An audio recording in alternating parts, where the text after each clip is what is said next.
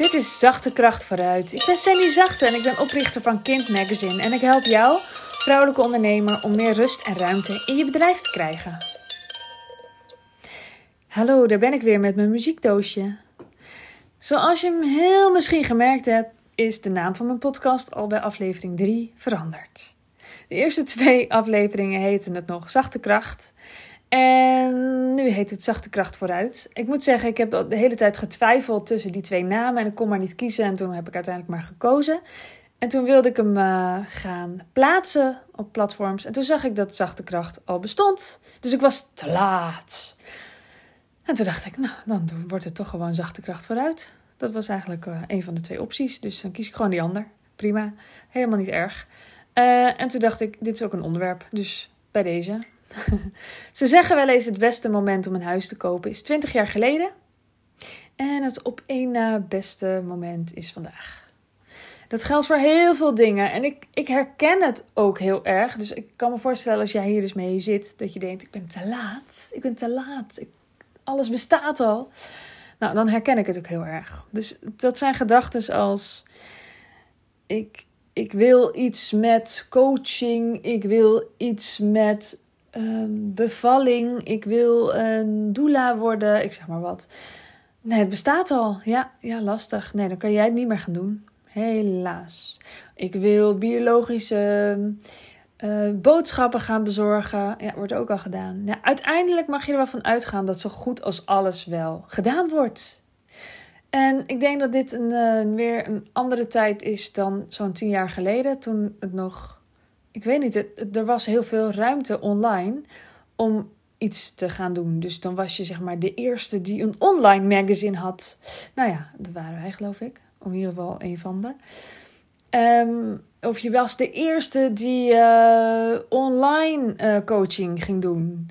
Nou ja, daar stikt het nu natuurlijk van. En zo gaat het maar door. En die tijd, die fase, die zijn we wel voorbij. Dus het is gewoon een andere fase aangebroken. En het is niet meer erg als iets al bestaat. We hebben even zo'n pijnlijke fase gehad, denk ik. Waarin mensen dat uh, heel uh, lastig vonden. Van hè, maar er doet toch al iemand coaching? Er bestaat toch al een online magazine? Hè, ik kan toch al mijn biologische producten online bestellen? Nou ga jij dat ook doen? Dat uh, hebben we even gehad. Maar goed, internet was natuurlijk nieuw. Ik heb het nog meegemaakt dat we voor het eerst internet hadden. En dat ik plaatjes ging zoeken van de Spice Girls. En dat ik dan af en toe een plaatje vond. en dan steeds hetzelfde plaatje zag. En dan op een gegeven moment, oh, een nieuw plaatje. Nou, dat soort dingen. Dat kan ik me nog heel goed herinneren. Ja, toen was ik uh, 12, 13. En toen hadden wij internet thuis. En dat ging zo. Brrr, diep, diep. Nou, zo. Weet je het nog? Ja. En dan ging ik inbellen en dan, en dan kostte het 600 gulden per maand of zo, wat we aan rekening hadden. Het was een akelige tijd, we gaan het er niet meer over hebben. Maar in ieder geval, wat ik daarmee wil zeggen, internet is redelijk nieuw. Dus we hebben daar steeds fases in gehad. En nu zitten we op het moment, op de, op de, in de periode dat heb je door dat ik het woord fase niet voor de duizendste keer wilde zeggen? Ja, het lukte niet. Oké, nou zeg ik het nog een keer. We zitten nu in de fase waarin uh, het niet meer erg is als dingen dubbel zijn. En dat komt, denk ik, omdat uh, we heel erg van het merk denken. Uh, bijvoorbeeld in de Facebook-tijd. Ik weet nog dat wij dan weet ik niet, 30.000, 40.000 volgers hadden of zo. En dan werd je gevolgd door mensen die dan 500 volgers hadden. En toen gingen we op een gegeven moment naar Instagram. En toen veranderde de wereld. Want toen werden wij gevolgd door, als bedrijf, door mensen die veel meer volgers hadden dan wij. En daar moest ik echt even aan wennen. Toen dacht ik, hoe werkt dit uh, spelletje eigenlijk? Het was nog best lastig om als merk op Instagram een groot account te krijgen. En dat is toch wel handig om te krijgen als je uh, voor een laag bedrag uh, veel klanten wil krijgen.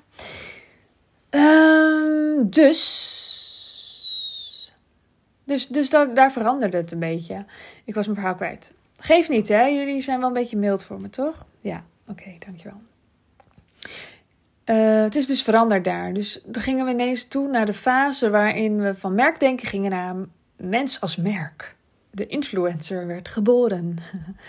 en een influencer is niet per se iemand met 100.000 volgers die een uh, stofzuiger aanpraat, aanprijst. Um, maar dat kan ook iemand zijn met 500 volgers die uh, toch uh, invloed heeft op de mensen die haar volgen. Oftewel iedereen. Het is gewoon veranderd. We zijn merkjes geworden. En dat is even wennen. En ik weet ook niet waar het naartoe gaat met de wereld. Maar laten we het in ieder geval maar een beetje positief inzetten, toch? Wat er kan. Uh, dus daar is het veranderd. En nu is het dus niet meer zo erg als je hetzelfde doet als iemand anders. Want jij bent anders dan die ander. Sowieso. Tenzij je iemand anders heel erg gaat zitten nadoen. Maar goed, dan ben je sowieso anders. Want dan is die ander een leider en jij een volger. Dus dat is sowieso niet wat je wil. Je bent anders dan die ander. Dus het gaat erom dat je iemand connectie maakt met jou als mens. En dat iemand zich aangetrokken voelt tot jou. En dat iemand dus via jou of met jou wil werken. En uh, bij jou aangehaakt is om uh, jou als doula in te huren of uh, een biologisch pakket af te sluiten. Of wat had ik nog meer voor voorbeelden genoemd.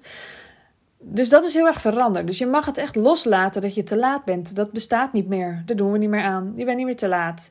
En hoe, hoe meer je in een soort niche denkt, hoe minder het ook geeft. Dus hoe, hoe aparter, vreemder, hoe meer het naar jou toe gaat, hoe meer het op jou lijkt.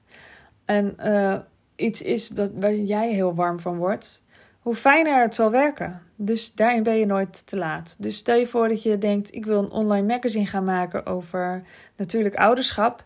Ja, dat uh, kun je gaan doen. Of een tijdschrift. Uh, kan je ook gaan doen. Het wordt heel anders. Het wordt sowieso weer heel anders. Dus ja, daarin bestaat concurrentie niet echt.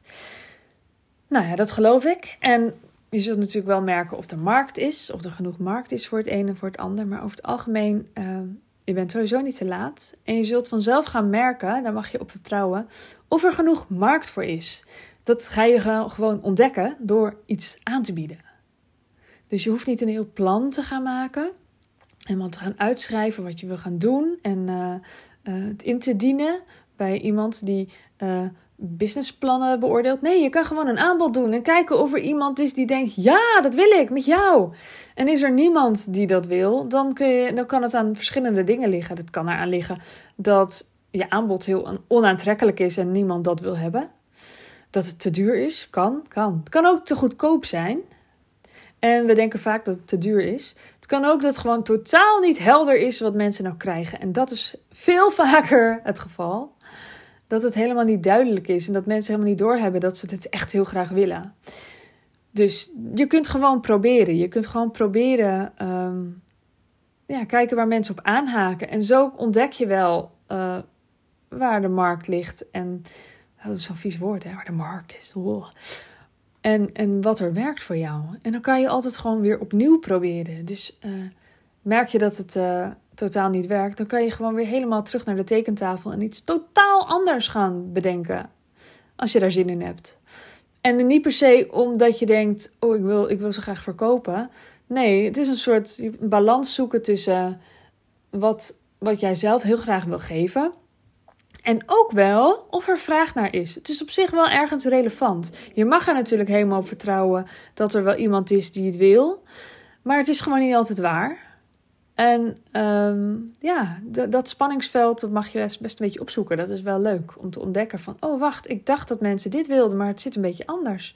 En um, wat ik nog regelmatig wel zie... en ik doe het zelf trouwens ook wel eens... maar wat je helemaal niet hoeft te doen... is allemaal polletjes te, stellen, uh, te maken en te vragen... zouden jullie dit willen? Het kan wel als een soort trucje, hè? Zouden jullie dit willen? En dan... Uh, en dan krijg je weer engagement op je post. Dat kan. Maar je hoeft het niet te doen als marktonderzoek. Want mensen weten heel vaak niet wat ze willen. Jij niet, ik niet. Een heleboel mensen weten eigenlijk niet wat ze willen. Wat ze echt nodig hebben. En misschien heb jij wel iets ontzettend geniaals bedacht waarvan mensen het nog totaal niet doorhebben zodat ze het willen. En um, dat is ook nog wel weer een aspect van te laat of niet te laat zijn. Uh, als jij helemaal nieuw komt met iets wat totaal niet bestaat, dat is super cool. Dat is echt super cool. Maar wat je dan aan het doen bent, is uitleggen wat het is en waarvoor het is en waarom mensen het willen hebben. Dan ben je heel anders aan het communiceren dan als het bekend is en je een van de zoveel bent. En je dat gesprek niet meer hoeft te voeren. Dat kan heel erg fijn zijn. Oh, een doula. Ik weet al wat dat is. Je bent niet de eerste doula die ik tegenkom. Dus er zijn andere mensen geweest die hebben de weg voor jou uh, bereid. Zeg ik het goed? Maakt niet uit. Uh, dus je hoeft dat gesprek niet meer te voeren. Je kan gewoon zeggen: En ik doe het op deze manier. En ik ben er voor die en die. En ik ben, ik, en ik ben deze en deze persoon. En je laat jezelf zien. Uh, ja. Dus, dus ja, het heeft voor- en nadelen of je met de, als eerste met iets komt. Het heeft dus zeker ook nadelen. Dus ja, je bent uh, niet te laat eigenlijk. Of ben je wel te laat? Nee, grapje. Je bent niet te laat. Je bent dus niet te laat. En um, kom gewoon met iets. Weet je, zoals ik zei, het beste moment is 20 jaar geleden. Het na beste moment is vandaag.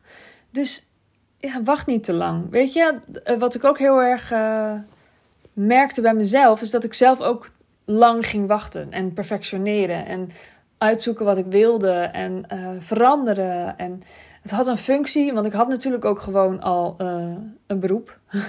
dus het was al voor de bij. Dus dat moest dan ook wel echt kloppen en energie geven. Maar als ik niet daarnaast nog wat had gedaan, dan had ik van mezelf gevonden dat ik er echt te lang over gedaan had. Want het is helemaal niet erg als het nog weer verandert, omdat jij verandert. En dat je dus met iets komt wat nog niet helemaal af is en niet helemaal is wat je wil. Want er zijn wel mensen uh, die wel willen wat jij in het begin wilde. En dat kan veranderen en dan kunnen er dus mensen weer afvallen als je iets nieuws gaat doen. En dan zeggen: Oh, ik vond het veel leuker wat je eerst deed. Ja, kan. Ik ben veranderd. Dit geeft me energie. Dus dit is wat ik nu doe. Weet je, dus je mag in, dat, in die zoektocht van iets anders gaan doen, mag je alvast je aanbod doen. Je mag alvast beginnen. Je mag alvast beginnen met wat je nu weet dat je ook wel leuk vindt. Het hoeft niet helemaal je passie te zijn. Het kan ook zijn van: Oh, dit vind ik wel leuk. Ik ga me niet helemaal vastpinnen. Ik ga het gewoon eens een keertje doen. En ik begin daarmee vandaag met, het, uh, met de uitnodiging eruit gooien. Of morgen, maar niet later dan dat. En uh, dan zie ik wel weer verder. En als ik verander, dan mag het met me mee veranderen. Nou ja, dat heb ik nu inmiddels ook echt omarmd. Dus ik weet ook dat mijn programma heel erg weer gaat veranderen. En waarschijnlijk nog twintig keer heel erg gaat veranderen. Omdat ik ontzettend van groeien en leren hou. En uh, zelf ook constant aan het veranderen ben. Nou, ik heb denk ik het langst gekletst van elke, elke keer. Van alle afleveringen. Dat is uh, heel erg speciaal voor mij. En ik weet nog dat ik dacht, ik ga geen podcast doen. Dat was ook een jaar geleden. Want ik ben zo kort van stof. Ik ben ook echt wel kort van stof. Dan ben ik wel weer uitgekletst. En dan denk ik, ja, maar podcast, dat moet toch wel weer een half uur of een uur of zo duren. Ja, ja, dat hoeft natuurlijk helemaal niet. Ja, ik vind het eigenlijk ook wel eens lekker. Ik kies zelf bij podcasts ook wel eens hele korte uit. Omdat ik denk, oh ja, even een korte. En heel vaak heb ik daarna zin in nog een korte of nog een lange of wat dan ook. Maar dan in het begin denk ik, oh, even een korte. Dus ik heb dat in ieder geval losgelaten. Bij mij krijg je waarschijnlijk korte podcasts. En misschien zal het een keertje langer zijn. En misschien zal ik een keertje stotteren. En dan wordt het vanzelf ook langer. Zoals deze keer. Um, nou, dankjewel. Fijn dat je geluisterd hebt. Ik, uh, ik vind het heel leuk om te doen. Ik ga daar lekker mee door. En ik uh, ga deze podcast uh, uploaden. En nog steeds weet niemand dat dit gemaakt wordt. Dus als jij dit luistert, dan is het dus al live.